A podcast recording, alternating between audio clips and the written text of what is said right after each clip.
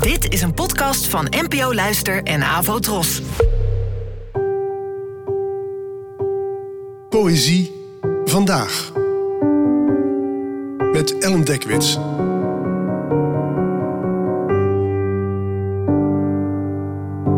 Hallo, fijn dat je luistert.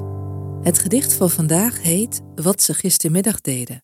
En het werd geschreven door de Somalisch-Britse dichteres Warsan Shire, geboren in 1988. Het werd vertaald door mij. Wat ze gistermiddag deden. Ze staken het huis van mijn tante in brand. Ik huilde zoals vrouwen op tv doen, doormidden gevouwen als een briefje van vijf. Ik belde de jongen die ooit van me hield, probeerde om mijn stem oké te laten klinken. Ik zei hallo. Hij zei: Warsan, wat is er mis? Wat is er gebeurd? Ik heb gebeden. En zo zien mijn gebeden eruit. Lieve God, ik kom uit twee landen.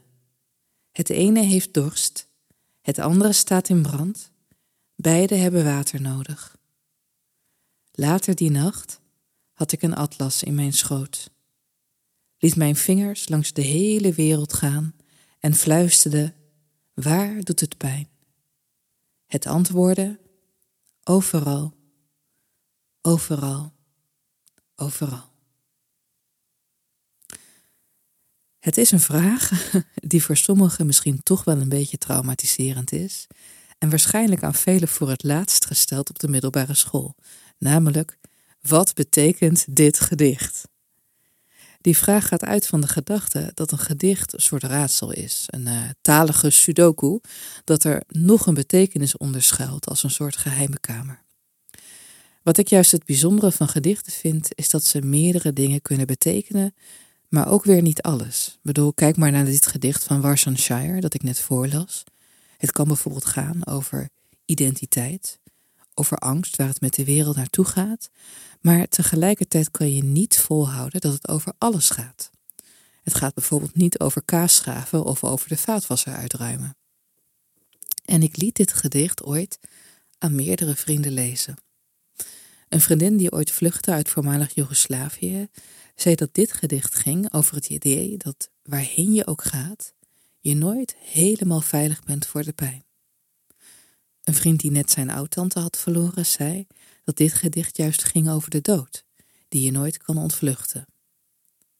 En soms denk ik dat een duiding meer zegt over de duider dan over de tekst zelf. Dat is oké. Poëzie is soms ook gewoon een middel om erachter te komen wat er in je leeft. Het maakt van een interpretatie dus een soort selfie, van waar je op dat moment mee bezig bent. En het leuke is dat dit een selfie is waar je je lippen niet eens voor hoeft te tuiten, nog allerlei filters voor hoeft in te zetten. Het is een selfie van je binnenkant, een klein intiem portret van je geest. Bedankt voor het luisteren en tot de volgende keer. Abonneer je op deze podcast via de gratis app van NPO Luister. Daar vind je ook een handig overzicht van het complete podcastaanbod van de NPO. Afro Tros, de omroep voor ons.